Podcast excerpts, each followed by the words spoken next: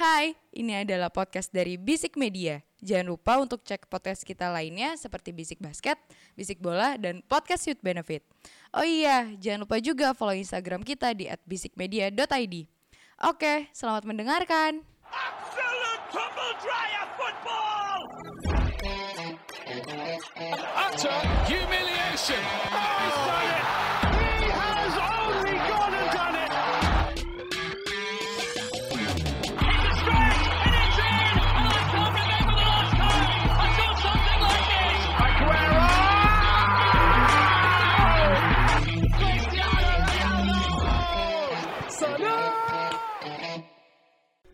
Bisik bola. Selamat datang di Bisik Bola, sebuah podcast sepak bola yang bahas bola-bola yang bergulir mulai dari Eropa. sampai dompetnya Liverpool yang kosong. Kita bahas secara, Ugal-ugalan. tapi Inter belinya lumayan juga. Beli lumayan. Dapat duit, dapat Jual. duit banyak. Jual kebanyakan. Oke, tar dulu. Sebelum kita masuk ke pembahasan, kembali lagi sama gua Aji SKVD MKVD. Ahmad Ben Nah, halo semuanya. Iya, tabrakan suaranya. Jadi nih, kalau udah missing satu jadi begini nih. Iya. Eh, lu siapa duluan? Lu, eh, lu dulu Jul. Oke, halo semuanya. Annyeonghaseyo. Chonen Panjinainida. Halo, halo. Halo. Assalamualaikum warahmatullahi wabarakatuh. Balik lagi ke Gian Waalaikumsalam. Franco, Ahmad Ben Smith, Del Piero, Alexander Nesta, Maldini, Zambrota. Eh, lu- udah, udah, udah. Iya, semua semuanya. Binnya Mana nggak usah lima. Kita aja nggak tuh. mau bahas eh, marga orang Arab. Udah, Iya. Mit. Jangan, Mit. Mohon maaf, mohon maaf. Buat minggu ini ternyata transfer lebih kecot dari sebelumnya. Ya, Kecet banget. Nggak, Inter nih kan baru dapat nih duit 112 juta. Ya. Habis Yoi. itu dia kehilangan bek kanan. Eh, Inter melakukan sebuah Betul. pembelian yang baik menurut gue. Dia membeli si Dumfries. Di mana pemain ini iya bukan sekelas Hakimi. Cuma gue rasa ada satu level di bawahnya. Menurut lu gimana, Mit? Memang Ji, Dumfries ini salah satu pemain yang setidaknya bisa lah menyamai eh, Hakimi. Cuman untuk masalah chemistry dan dia ngejual Lukaku siapa yang mau dibawa? Zeko. Ya kan? Si muda, si muda. Lu bayangin Lukaku dengan speednya, dengan tekniknya, dengan finishingnya yang Kita, baik. kita jangan ke depannya dulu, ke belakangnya dulu. Udah mau hajar aja Oh, iya, sabar, gak ada imo. Oke. Gak ada imo. Oke, kita Nggak, ngomongin gini gini Hakimi. mit. Ini eh, benerin ya kalau gue salah ya mit Hmm. ya. Conte itu yang mempopulerkan main tiga back di Inggris waktu itu. Ya, dengan kata Nasio. Berarti ini si Dumfries ada kemungkinan akan dipasang di kanan kan pasti. Ya. Berarti nanti Conte bisa dari empat empat tiga udah tiga Conte, Pak. Udah Simone Inzaghi. Simone Inzaghi ya. Iya. Emang oh Conte-nya ngambek ya anjing kemarin gue lupa bangsa. Cabut, cabut, Ji, Cabut. Ji. Tapi akankah dia bermain seperti Conte mit Simone mit? Simone ini tipikal pemain yang eh, Kan gerasa gerusuk kan kemarin hampir ya. sama kayak eh, Conte di mana dia mengutamakan defensif untuk melaju ke counter attack. Ah. Masalahnya cuma satu Ji, counter attacknya di saat ada eh, Hakimi secara overall Hmm. dia bermain dengan baik. Kita tahu dengan eh, dengan jumlah golnya maupun asisnya ini Ya. sangat sangat baik. Bahkan Ada salah Lukaku satu juga dulu Nah, waktu iya. itu. bagi gua dengan Dumfries datang ini memang ini sosok pemain di PSV maupun di Belanda yang memang lagi hits Ya. bahkan kontraknya uh, Hmm. sisa dengan satu tahun Uh, mutlak akan murah lah untuk lu beli Dua belas setengah kabarnya. Iya. nah bagi gua Hakimi dengan hilangnya Hakimi uh, plus duit yang banyak uh, dari uh, buat Inter ini salah satu yang baik juga ini mungkin salah satu transfernya baik uh, ketika Hakimi diganti dengan Dumfries memang uh, levelnya nggak se- uh, sekelas uh, Hakimi ya yang memang udah top Terbukti uh, lah. terbukti dan uh, apa ya fire uh, on fire banget ketika lawan Inter tapi bagi gue uh, ini mutlak pembelian yang terbaik karena dari satu sisi Inter bisa membayar utangnya Iya. di satu sisi dia dapat Pemain yang lumayan lah. lumayan lah gitu. Lumayan. Tapi kalau dari lu gimana Jul? Tentang si Dumfries ini Jul? Oke, kalau menurut gue ini gue setuju sama Aji sih. Ini pembelian yang bisa dibilang make sense lah ya.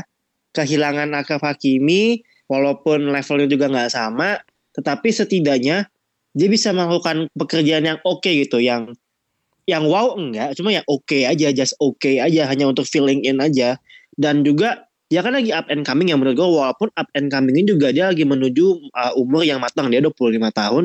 Kalau misalnya gue mau highlight uh, kinerjanya dia ya menurut gue going forward menurut gue dia bagus Dumfries ini bagus dengan gue mengaca empat pertandingan terakhirnya dia di Euro sama timnas Belanda dia bisa nyumbang dua gol satu assist itu menurut gue untuk seorang right back ini ini adalah angka yang sangat bagus banget tetapi gini gue gue kan sih ngerti Simone Inzaghi ya gue kan sih ngerti banget ya gue nggak nggak ngerti sih gimana caranya dia gaya mainnya Eh, mungkin nanti Smith bisa ngasih enlightenment ke gue ya kasih keterangan kasih pencerahan buat gue kalau Simone ini dia flanknya itu dipakai banget gak sih buat di wingback mid Oh, dia pakai banget karena kita tahu kalau di Lazio Nah, berarti- itu adalah Zani. Ah, ah. Iya.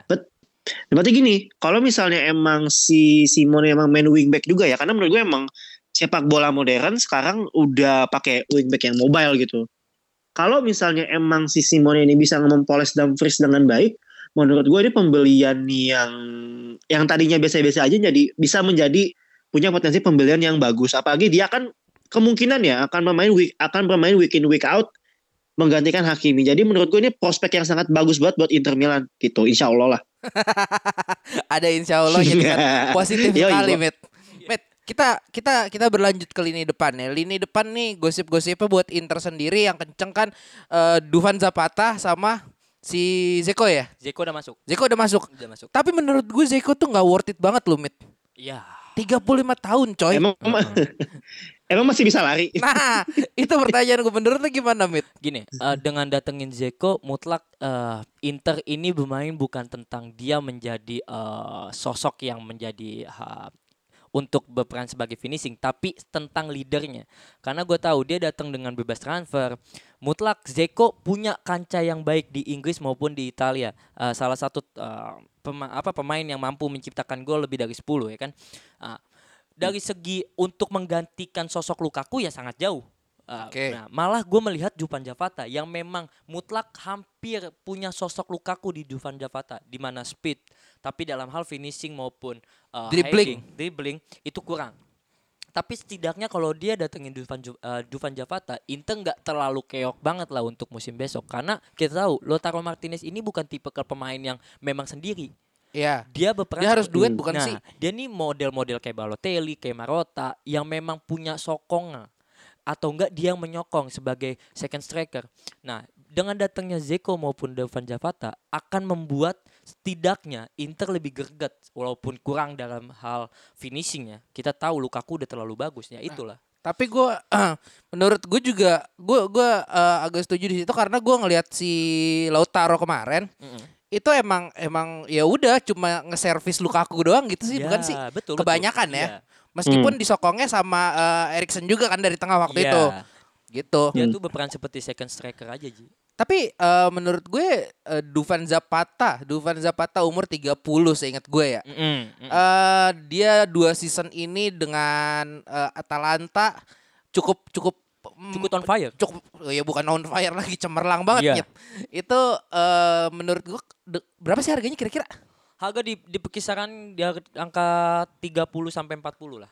30 40. Heeh, Itu mungkin mahal juga ya? Iya. Iya, lumayan. Lumayan loh untuk Karena untuk memang karena striker. memang dalam dua tahun ini tuh dia mampu ciptain gol di Serie A aja Ji ya, lebih Hah? dari 20 gol.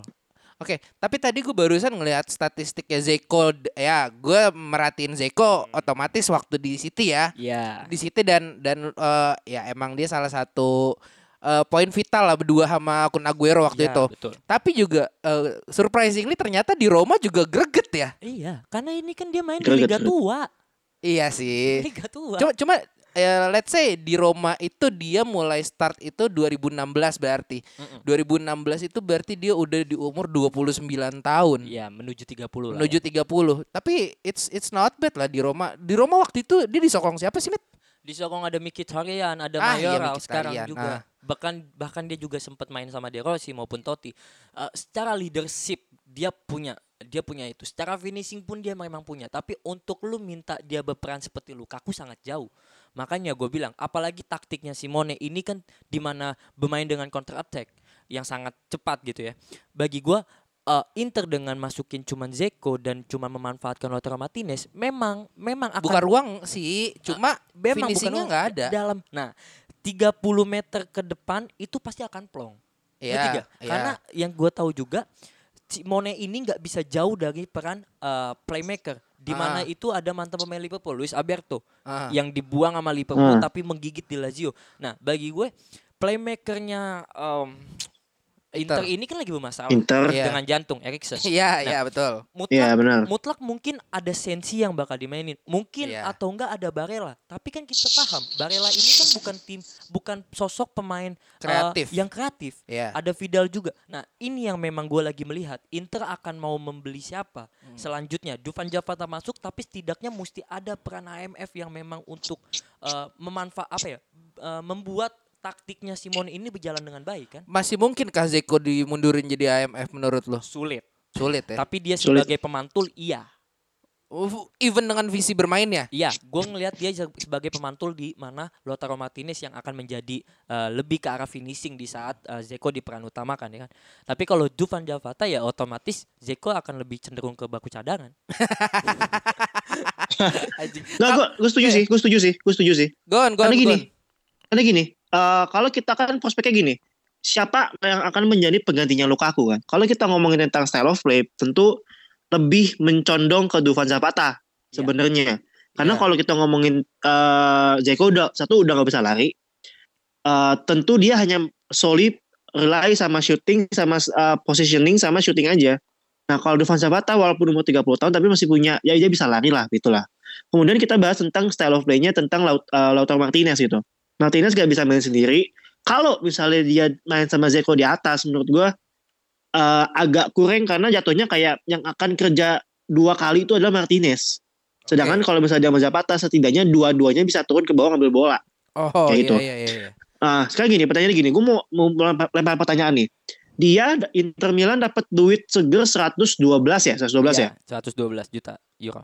112 ya? 190 Kalau kalau lu ngitung kita- ini Jul. Sama Hakimi. 190 kalau lu ngitung sama Hakimi. Sama Hakimi ya. Iya. Duit seger lah tuh hampir 200 itu. Ah.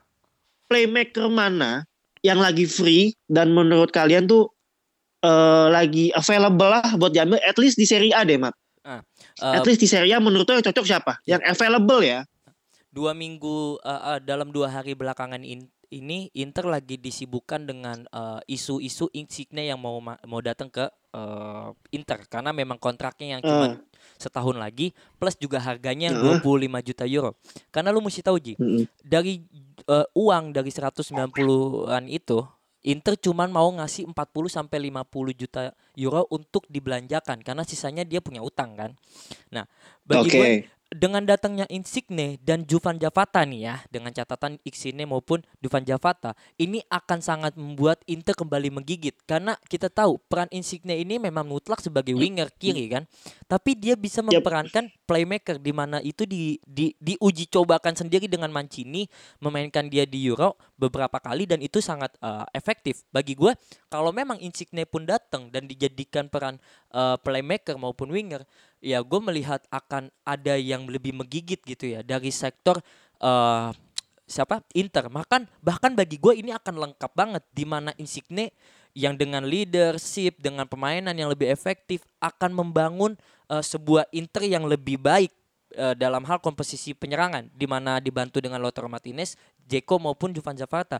Terlepas memang Lukaku memang punya kualitasnya, tapi memang sektor kiri itu memang selalu punya masalah dari Inter tahun kemarin karena itu cenderung cuman ada Ah. Perisic, ya kan? Nah, kalau memang dia datengin Insigne setidaknya untuk sisi kiri, kanan maupun tengah dalam hal penyerangan ini akan lebih lengkap dan akan lebih menggigit. Itu sih yang gue lihat, Ji. Setuju, setuju, setuju. Iya gak sih? Oke, oke, oke.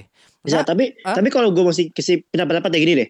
Ya, eh, kalau buat ngecover eh, sisi kiri, ya gue gue setuju, setuju 100% Iya. karena Lorenzo Insigne pemain yang ya gue tau lah, gue pernah ngeliat dia main di Napoli lawan Liverpool, dia nusuk dari kiri itu bahaya banget. Nah, Iya. tetapi gue nggak, gue belum pernah ngeliat Insigne main di role di IMF sebenarnya. Mm-mm. Gue nggak tahu nih dia bisa apa enggak. Yang jadi pertanyaan kan. Dan menurut gue style-nya eh, Lorenzo Insigne sama Christian Eriksen ini berbeda jauh, berbeda jauh. Ya, Tapi betul. bukan, nah bukan bukan artinya uh, Inter harus mencari seseorang yang sama dengan Christian Eriksen. Bukan artinya seperti itu. Toh pelatihnya berbeda. Ini ini menurut gua menarik untuk ditunggu sebenarnya. Kalau misalnya emang Lorenzo dengan gosip yang udah santer banyak ini ke Inter dan memang kalau misalnya jadi ke Inter dan dan kemungkinan akan ditaruh di plot tengah ini menjadi sesuatu yang apa ya seru aja gitu dilihatnya. Jadi kayak dia tuh di, di plot menjadi sesuatu yang sebenarnya dia nggak belum biasa banget gitu. Iya betul sih. Oke oke. Berarti kalau misalnya semua kejadian yang kita om eh peristiwa yang kita omongin ini kejadian, Inter akan berbahaya dong Mit di tahun depan. Sangat berbahaya. Sangat berbahaya. Bahkan lebih bahaya dari eh, Lukaku. Kenapa? Karena kita tahu Lukaku eh, adanya Lukaku eh, Inter itu bermain seperti eh, dengan formasi 3-5-2. 352 oke. 352. Mutlak nggak ada winger yang bisa eh, ngasih suplai bola kecuali ada Hakimi maupun sebelah kiri eh, R- RWB dan LWB kan. Iya. Nah, ini mutlak eh, Simone ini kan bermain biasanya praktis banget dengan 4-3-3. Ah. Seperti itulah. Nah, maksud gua kalau misalnya Insigne ada di sektor kiri itu akan lebih bahaya. Dan kalau memang di playmaker pun dia udah udah udah pernah diuji cobakan di Napoli diduetkan dengan uh, Martens maupun udah pernah diuji cobakan oleh Euro sama Mancini dan itu bisa membuahkan hasil. Uh, nah, bagi Cuma gua- kan gini Mit, sorry Mit. Cuma kan nanti yang akan jadi permasalahan adalah nyetel nggak dengan Erikson ya? Nah, nyetel atau tidak dengan Erikson. Erikson gue melihat dia akan condong lebih pindah sih Ji, ke Ajax karena isunya ke sana kan ya. Oh. Erikson. Nah, masalah gue ini bukan tentang eh, siapa Erikson masih ada. Ini gue malah melihat Erikson udah jauh, udah jauh karena karena dengan jantung ya dan eh, salah satu efeknya Yeah. itu sangat sulit untuk orang yang kena jantung main bola di sana. Di Itali Di ya. Itali itu dipersulit banget. Nah, bagi Hmm. gua kalau memang dia menjadikan AMF eh, berarti mutlak Barella akan dilis akan disokong seperti CMF. Nah, Nah, tapi kalau memang dia mau dikasih winger sebelah kiri, Barella atau Vidal yang memang akan menjadi AMF, ya mau siapa pun yang menjadi AMF, ya pasti akan ada pola yang diganti dan taktik yang diganti. Tapi kalau misalnya eh, memang Inza, eh, apa Simone Inzaghi be- cenderung memainkan tiga eh, tiga eh, apa empat tiga satu dua ah,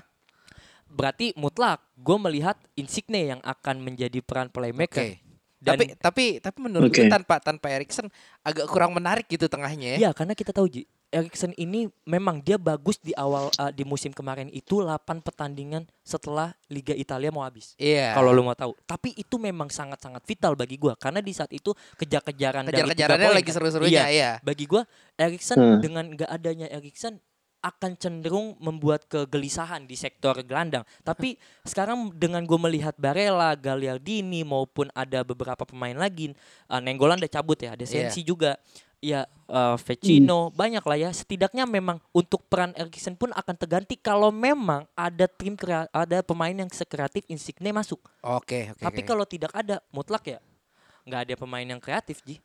kalau kalau lu ada Hmm. tambahan lagi nggak Jul? Buat Inter nih.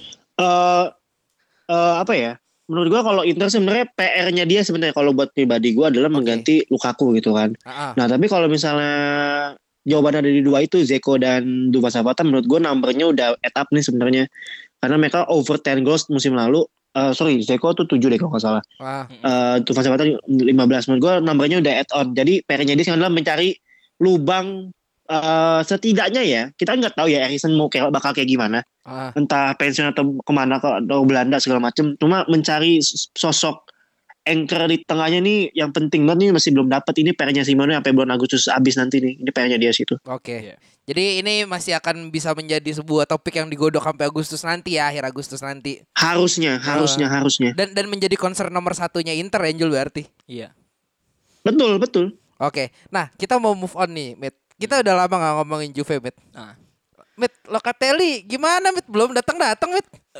Gue bingung dengan Juventus karena satu bulan ini cuman cuman untuk Locatelli doang Iya, loh. Cuman negosiasiin Locatelli. Berantem sama Arsenal dia berdua. Iya. Bahkan mutlak Arsenal udah udah, Arsenal. udah udah cabut Arsenal udah cabut. Arsenal karena- udah cabut, iya, benar. Locatelli-nya mutlak mau ke Juve. Cuman masalahnya Ji, Juve itu selalu se- apa ya? Juve ini memang gak ada duit Ji. Mat, sorry, Mat. Lini tengahnya Juve sekarang siapa, Mat?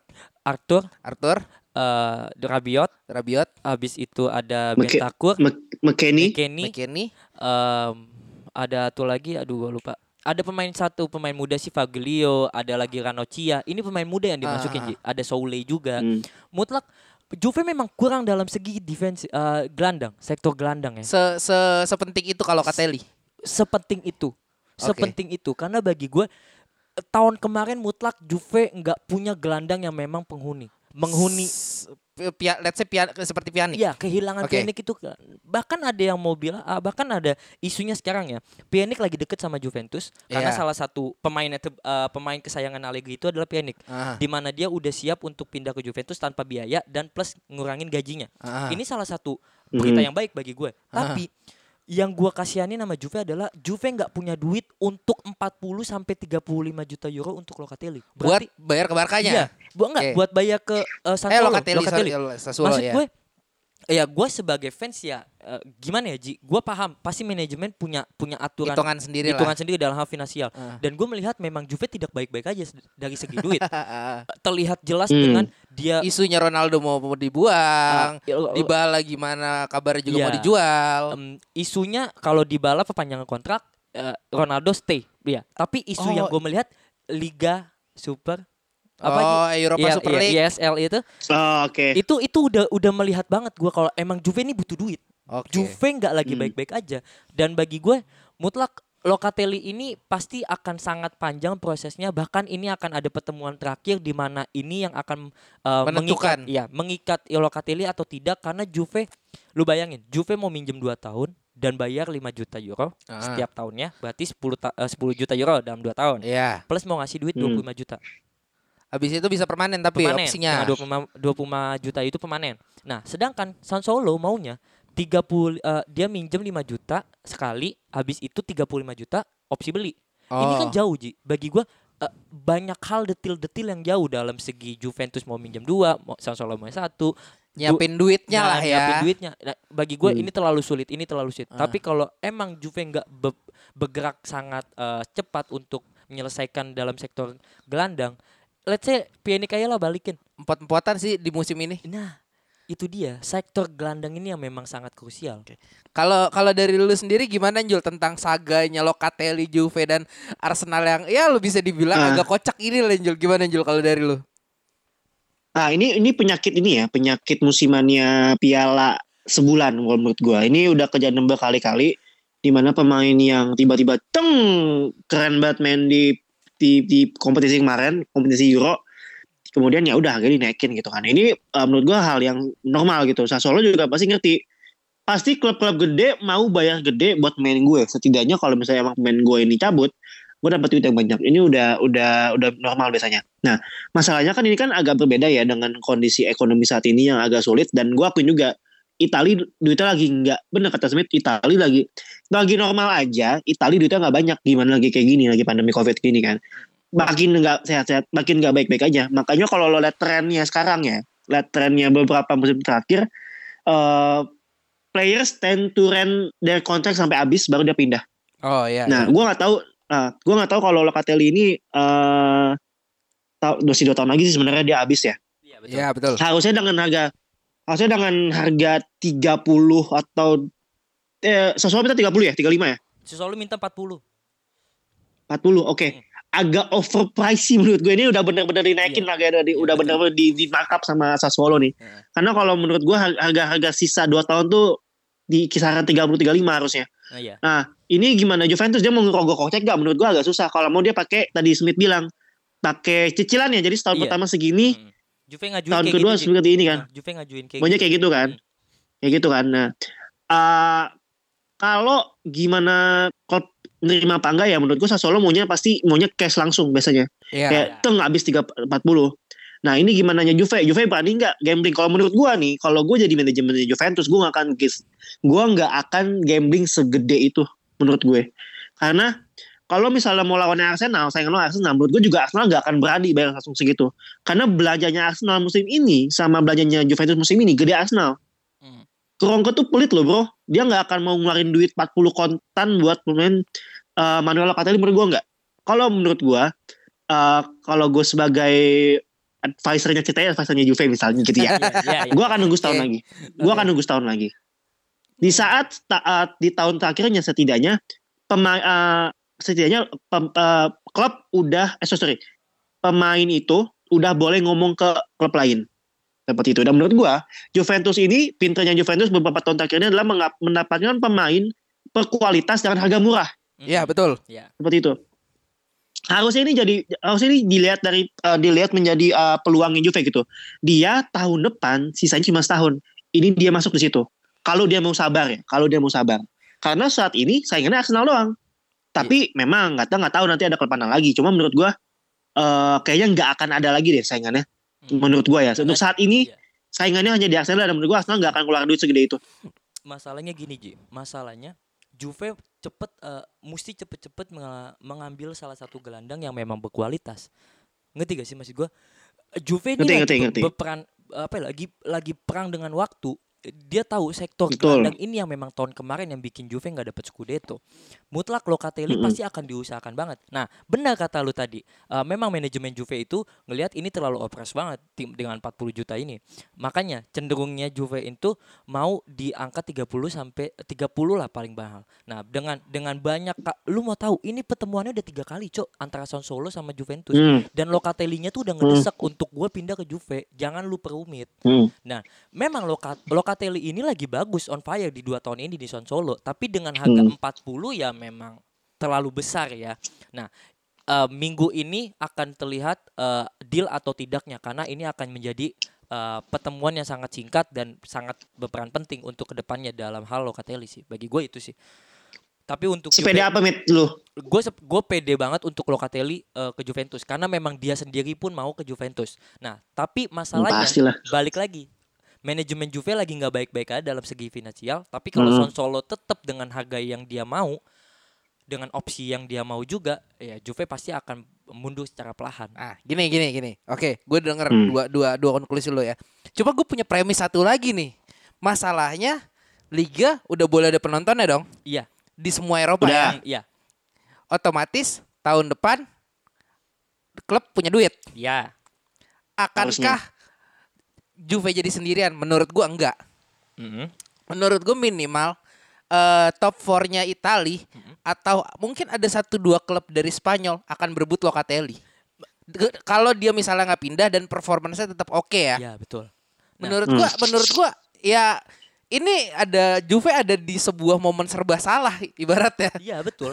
Dari segi Ah. skuadnya nggak punya pemain yang dibutuhkan seperti Locatelli. Heeh. Kedua, Juve tahu dia mesti cepat ketika Locatelli lagi bener-bener bergairah banget ke Heeh. Juve, dia mesti selesaiin ini dengan baik. Tapi Hmm. masalahnya Hmm. Juve nggak akan mau ngeluarin duit sebegitunya untuk orang yang bisa s- eh, sewaktu-waktu ngehancurin klub ini. Iya, tapi tapi kalau lu tunggu ibaratnya minimal let's say lu tunggu tahun depan atau menurut gue sih akan akan lebih bijak untuk mendatangkan Locatelli di winter transfer sih. Masalahnya Ji, Eh, cuma satu Ji. Hmm, lebih Gua- mahal Ji. gua Iya udah lebih sih. mahal Ji. lebih Fix. mahal plus cuman satu Ji gue udah pegel ngeliat gelandang Juve gue udah pegel serius gue udah pegel Arthur kirain gue bagus cedera mulu pak memang bagus punya efek cuman cedera mulu udah jadi nggak berasa udah efeknya. nggak berasa nah mutlak Juve cuma dapetin siapa Cilini Cilini sama pemain muda tahu tahu gak lu pemain muda kayo kayo joge ya yang pemain muda Santos ada dia eh, Juve ngambil pemain itu Oh,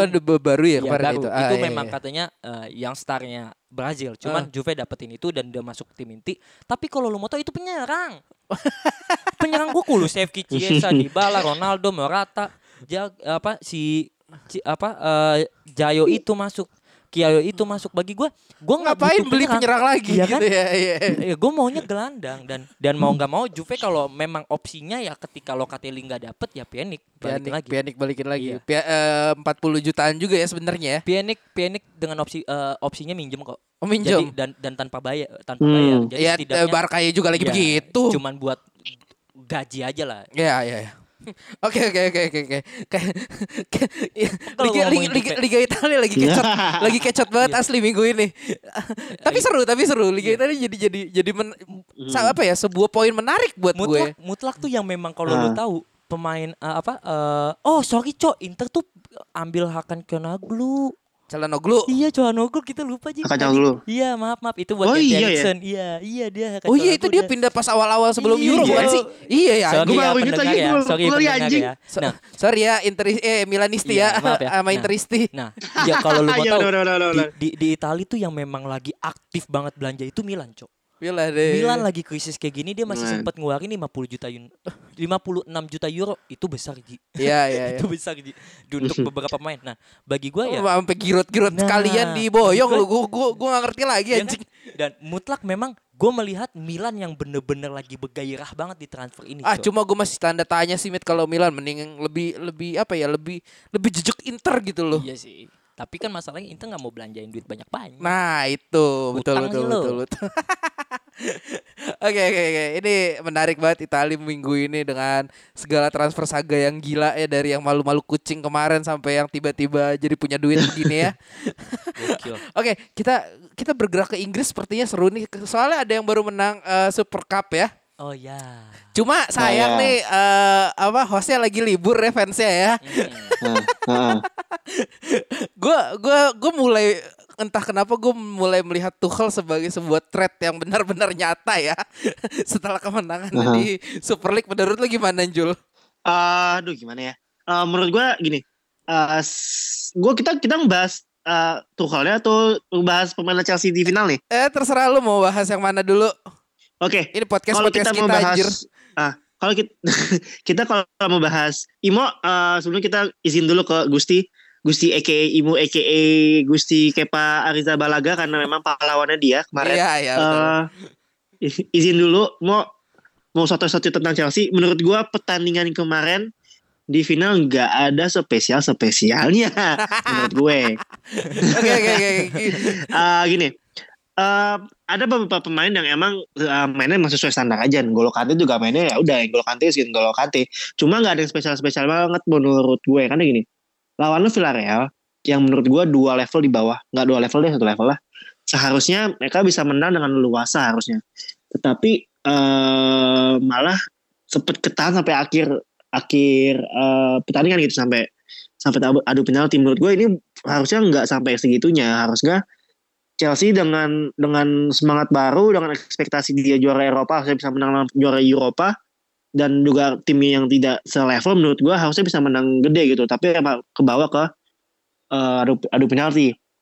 Kemudian menyambung ke Thomas Tuchel ya. Emang Tuchel ini emang pinter menurut gue emang pinter. Cuma dulu dulu emang emang pelatih nanggung. Gue nggak tahu sih. Ini ya ini salah satu yang gue bingung sama Chelsea. Chelsea itu sering banget ganti pelatih tetapi pelatih pelatih itu nggak butuh waktu lama buat dapat silverware ini yang gue bingung sama eh, manajemen Chelsea yang selalu dapat pena- eh, pelatih yang bisa ngasih jawaban eh, jangka cepat seperti itu. Eh, di luar dari itu menurut gue kalau udah penalti sih udah udah udah main adu adu adu mental ya menurut gue sih udah mental ngomong gitu tim mana yang punya pengalaman besar tim mana yang punya pemain-pemain yang lebih besar itu udah kelihatan dan ternyata pahlawannya out of the blue si ini si Kepa. Kepa Arrizabalaga walaupun be- be- apa namanya hmm, penjahat namanya kembali muncul. Kayak Havertz gagal kan ya setahu gue ya? Gue eh jujur ya gue gue sebenarnya gak nonton Jul. Gue cuma tahu hasilnya dan gue tahu bahwa Kepa jadi jadi apa jadi superstar di Iya. situ. Ya iya. Ya iya. Tapi kalau setahu setahu gue kayak itu gagal kan ya? Iya. ya iya. Jadi eh, pahlawannya tidak disangka-sangka tapi eh villainnya sama aja. Ternyata kayak Havertz kayak Havertz lagi gitu. Ya gitu sih menurut gue Oke. menurut gue nggak nggak nggak spesial sih. Mungkin ini ya mungkin perkaranya Chelsea kemarin di depan ya. Nggak ada nggak ada striker yang little gitu karena nggak ada Giroud Giroud cabut. Temi lagi tapi main nggak sih? Main gue lupa deh tapi Tami lagi lagi proses transfer keluar kayak ke West Brom kayaknya. Nah bagian missing piece-nya mungkin di Lukaku nah gitu itu itu yang akan baru akan gue tanyakan eh apa ya dengan dengan siapa aja sih dia ngerekrut tahun ini selain Lukaku sorry gue lupa kayaknya Um, Chelsea siapa sih gue juga gak tahu lagi. Tapi Chelsea, Chelsea kayaknya gak terlalu banyak siapa beli. lagi? Nggak terlalu banyak beli ya Baru Lukaku ya. gua Baru. Lukaku, oke. Nah. Ini kan ibaratnya dengan masih dengan ya lu bilang tadi dengan apa eh starting line up yang lama dan dengan striker yang tumpul ya kita bisa bilang ya. Mm. Ini akan akan akan signifikan menurut lu buat di musim depan ini Jul. Dengan racikan Tuchel Oh, ya. Menurut, Hmm. menurut gue signifikan banget gini. Lukaku pergi dari Inggris eh, sebagai eh, pemain yang nanggung, Ya sebagai sorry. pemain yang dipoles oleh pelatih yang salah. sorry. Karena menurut karena karena gini, Lukaku di Belgia itu ngacornya ngacor banget. Gitu loh. di Inter menurut gua progresnya ada cuma nggak signifikan banget karena menurut gua uh, permainan sepak bolanya Lukaku yang terbaik adalah di timnas Belgia dia speed ada powernya ada banget kan baduk banget kan ya Mm-mm, betul. Dan sutannya keras. Nah, dan menurut gua ibarat kata dia habis sekolah lah ya, habis dari, dari Chelsea dia sekolah, datang ke Chelsea lagi dengan eh, membawa package yang sangat-sangat bagus banget menurut gua. Ini striker serem coy. Ini orang nggak gampang jatuh. Ini striker yang menurut gua eh, budayanya striker yang dibutuhkan oleh klub seperti Chelsea. Kita lihat ya beberapa pemain eh, striker-striker andalannya Chelsea dari tahun ke tahun yang tidak flop adalah pemain-pemain yang, yang memiliki karakter keras. Diego Costa, Didier Drogba. Itu kan contoh-contohnya kan yang yang bisa dibilang kayak eh, contoh yang paling menterengnya lah. Oke. Gak kayak Timo Werner, eh, yang gak kayak Tammy Abraham yang klemer-klemer gitu. Iya, iya. Jadi iya. emang menurut gue ini suatu striker yang emang dibutuhkan banget dan ini bener-bener apa ya? Chelsea Pembelian banget yang sangat gitu ya. sih menurut gue. Dan Chelsea banget sifatnya ya. Iya bener-bener bener Chelsea banget. Oke oke oke oke. Tapi apa ya kita harus tetap mengucapkan congratulations ya buat Iya. Chelsea ya atas pencapaiannya dengan Super ya Cup. betul. Si siapa yang bawa piala Champions Kante ya depan ya jadi kapten. Ba- bahkan Kante, Kante. gue gue sedikit untuk Chelsea Oh, kenapa, dengan datangnya Lukaku eh, bagi gue secara taktik secara em, semua eh, apa yang dibutuhkan Chelsea maupun Tuchel itu terjawab dengan baik Chelsea itu semenjak eh, Tuchel nanganin dia cenderung bermain lebih counter attack Counter attack ya. Counter attack bahaya sekali tuh. Iya. Kita tahu eh, Lukaku itu adalah tipikal yang sangat-sangat baik ketika dia melakukan counter attack karena dia punya speed, dia punya body balance yang kuat, Dribbling. dia punya dribbling yang baik, dia punya shoot power yang bagus, dia punya finishing yang baik dan itu sangat-sangat dipoles oleh Antonio Conte yang bermain dan berperan dalam hal Dengan taktik yang sama attack iya betul. kan mutlak yang memoles dia sebagai eh, sebaik mungkin itu adalah Conte. Dua tahun ini dia udah golin 20 lebih cok setiap semusim di Serie A. Bagi gua dia datang ke Chelsea dengan dirinya dan kepribadiannya dan sosok dan icon yang dikasih tentang eh, untuk dia yaitu monster. Dan Iya, dia iya, ya iya. kan dan dia balik ke Chelsea dengan dia mau menyajikan sesuatu hal yang udah lengkap di dirinya dia. Nampak seperti kita lihat Pogba aja lah. Iya, Cuman kan iya. kalau Pogba tetap dengan pelatih yang agak bingung mau letakin di mana. Tapi kan kalau Eh, Tuchel tahu, Sorry. kalau Tuchel udah paham dia datengin Lukaku adalah di mana dia mau menambah daya gedornya enggak eh, enggak tentang Werner maupun kayak Havertz yang lagi cenderung di rotasi doang ya. Iya, iya. Itu sih yang gue lihat. Cuma apa ya kalau kita ngomong Lukaku sekolah ya berarti ya. Ini sekolahnya agak mahal ya berarti ya biaya sekolah ya 112 juta Iya. ini ya. Gila, Cok. Iya. Ini hampir tiga kali lipat jualnya bukan sih seingat gue? Parah cok Dia tuh kalau lo mau tahu Dia total semua yang transferin dia Itu kalau di total 290 sekian juta euro Itu ngelebihin Ronaldo Ngelebihin Ya Messi lah ya Messi juga gratis mulu Ya bagi gue eh, mere- eh, Lukaku memang punya eh, Apa ya Daya jual yang mahal Dan mutlak Dia memang punya kualitas juga Oke oke oke. Nah, gua se- sebagai pe- pecinta Liga Inggris juga ya, gue masih ada satu pertanyaan nih buat salah satu tim ya.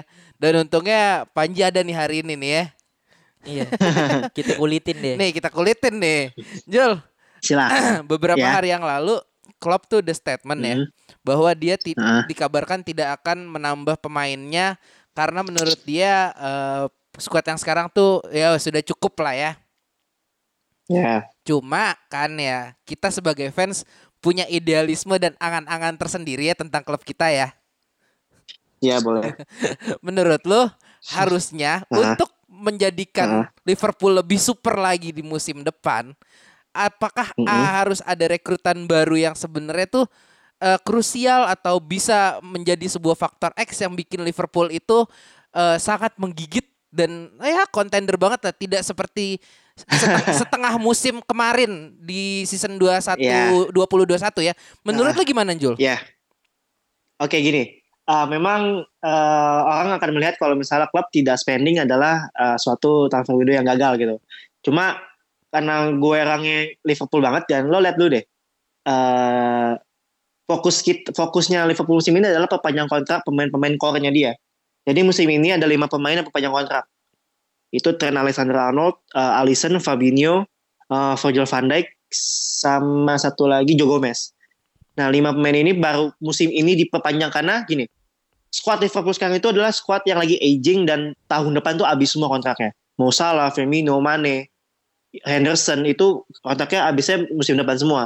Dan lima pemain ini juga kontraknya habisnya di musim depan sama tahun musim berikutnya. Jadi di musim ini sebenarnya duitnya itu dipakai buat perpanjang kontrak. Tetapi gue nggak pungkirin kalau gue juga sebenarnya pengennya ada eh, masuk masuk lagi lah satu lah at least buat eh, nambel lini depan. Karena gini, kalau kita lihat opsi opsinya Liverpool selain front three-nya kita cuma kita cuma punya Jota, ada Origi sama Shakiri.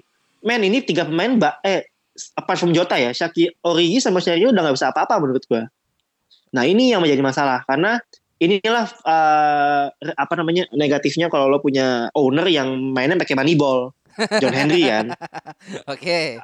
net spend, net spend. Dia tidak akan mengeluarkan uang sebelum dia dapat duit gitu. Klopp ngomongnya, kita nggak bisa pakai duit yang kita nggak punya. Ya. seperti itu. Ah, dan gue meyakin, gue juga mengamin dengan duit yang nggak ada gitu kan. Karena gini, banyak uang pendapatan Liverpool tuh di, di, dilemparnya ke infrastruktur, pengembangan Anfield, peng- eh, bikin training facilities baru itu kan pakai duitnya income Champions League segala macam Premier League kemarin gitu loh. Jadi sebenarnya emang duitnya ada, cuma emang dipakai elsewhere gitu. Dan menurut dia, menurut manajemen Liverpool adalah lebih penting memperpanjang kontrak pemain-pemain core-nya daripada beli pemain yang sebenarnya market lagi mahal banget dan belum tentu juga masuk ke starting eleven gitu. Dan lo harus ingat, setengah musim kemarin Liverpool defendernya itu eh, musim lalu Liverpool pakai 21 center back pairing. Tim mana tim mana sih yang pakai center back pairing sebanyak itu?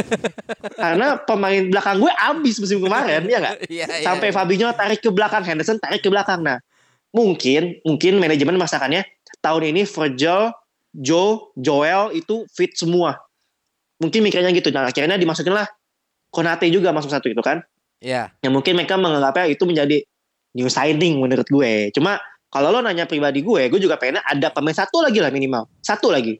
Itu di depan. Buat nambel Jota. Kalau Jotanya cedera gimana? Salah sama Mane Afcon lo Januari.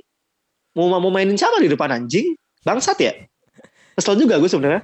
Ya kalau lu baca, lu kayaknya baca juga di eh, bulan kemarin itu eh, Liverpool sempat nawar Chiesa 80 dan 100. betul betul.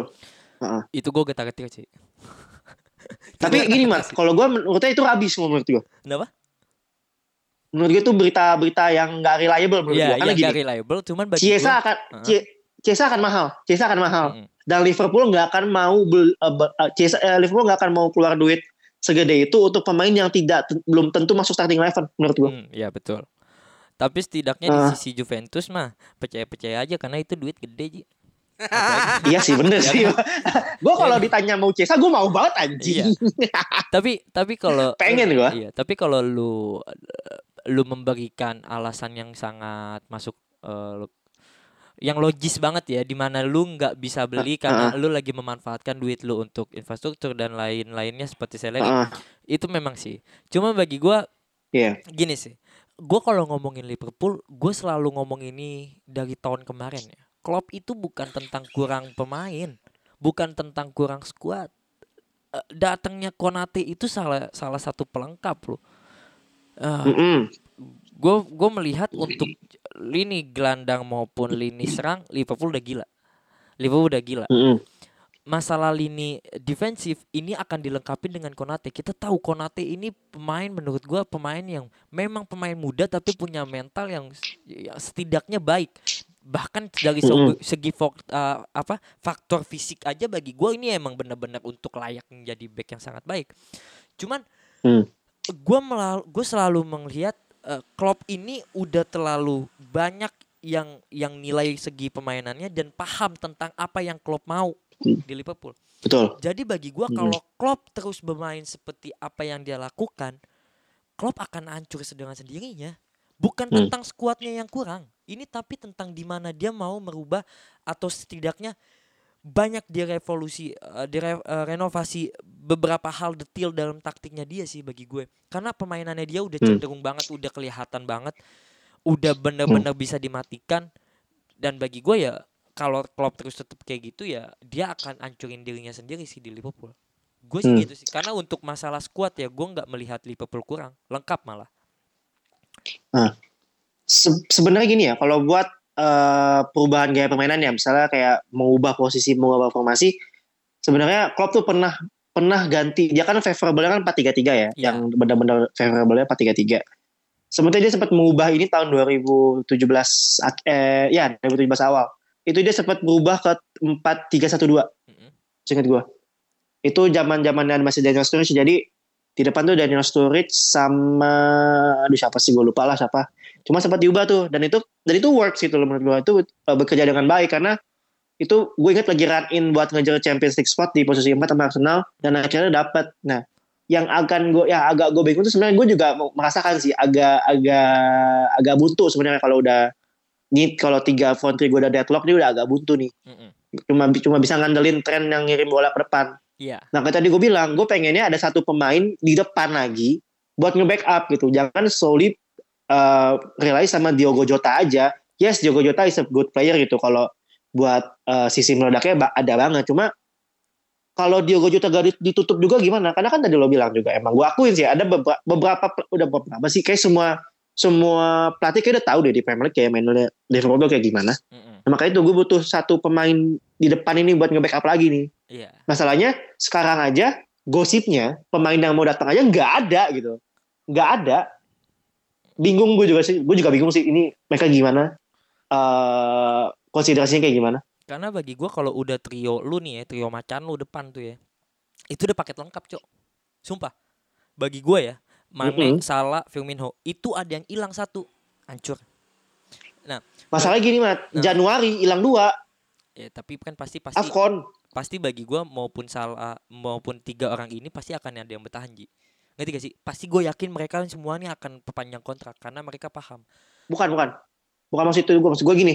Nanti di bulan Januari Mm-mm. sebulan mereka nggak ada di Liverpool, mereka tuh Afcon, Oh iya, Piala Afrika. Afrika, Cok. Piala Afrika. Iya, Iya, oh salah Mane iya. cabut. Salah Mane kita cabut. Nah, tuh siapa tuh mau ngisi? Mau mau pakai Origi? Elah, kesel banget gue ngeliatnya. Itu bisa costly eh, kira-kira 12 sampai 16 poin lo ya di situ lo. Wah, lebih. Iya, makanya itu gue bilang Iya satu lagi Iya masukin tuh main depan tuh. Setidaknya Jota bisa masuk nih. Satu lagi siapa? Karena gue udah gak percaya sama Origi. udah gak percaya gue. Sakiri lah. Iya deh, gol, lu, eh, lu, lu comeback lawan Barcelona. Iya deh, cuma sisa itu lu bisa apa sih Origi tuh? Iya. Udah nggak ada, udah nggak ada mag- magisnya udah nggak ada. Sakiri Sakiri udah udah ini Shaqiri, Sha- habis kata dia. Shakiri lagi, Shakiri lagi ini gosipnya mau ke Lazio. mau ke Lazio. Plus juga dia udah cenderungnya jadi Ah. gelandang, Cok. Iya, udah cenderung cabut udah. Ya bagi gue ya Liverpool, gue nggak paham dengan eh, Liverpool seutuhnya ya, karena bagi gue Ya. Liverpool nggak butuh beli siapa-siapa semestinya. Cuman mm-mm. yang agak diubah itu gaya bermainnya Liverpool. Bagi gue yang udah, karena Oh. Liverpool selalu punya ke apa ya, selalu sulit ketika ketemu pemain yang bener-bener defensif banget. Sumpah itu langsung keok banget semua Liverpool. Nah, mungkin detil-detil itu aja yang mesti diubah. Segi mungkin kalau pemain ya, pemain yang gue melihat nih ya, yang lu masih bisa, masih banget banget bisa beli, plus juga sempat lu pengen beli, yaitu Insigne. Lagi di harga 25 juta euro, Cok. Dilepas. Menurut lu gimana? Insinya, insinya 30 ya. Ins iya 30 tahun, dia cuman dihargain 25 juta euro. Dilepas. Harusnya bisa, harusnya bisa kalau kalau Michael Edwards berani ya. Dan bagi Harusnya lu, bisa. Cuma Liverpool tendensinya tidak beli man over 30 sih sebenarnya. tapi, Tendensinya seperti itu. tapi untuk menutup tahun ini aja, Harusnya harusnya iya, harusnya mau. yes. Harusnya mau. Ya ya Karena kalau sini kan main nama gede. Iya. Nah, iya eh, nambahin juga untuk eh, apa pemain over 30 ya itu yang akhirnya harus Liverpool relakan untuk biji gandum. Wisnaldum. Iya, Iya itu kan? dia. Itu kan Oh, permasalahannya. Iya. Iya, betul, Kasian banget aja. Iya, ya udahlah. betul. Udah kita sampai di sini aja. Kita sampai sini aja lah. Dah, capek. Bye. Bedum tes.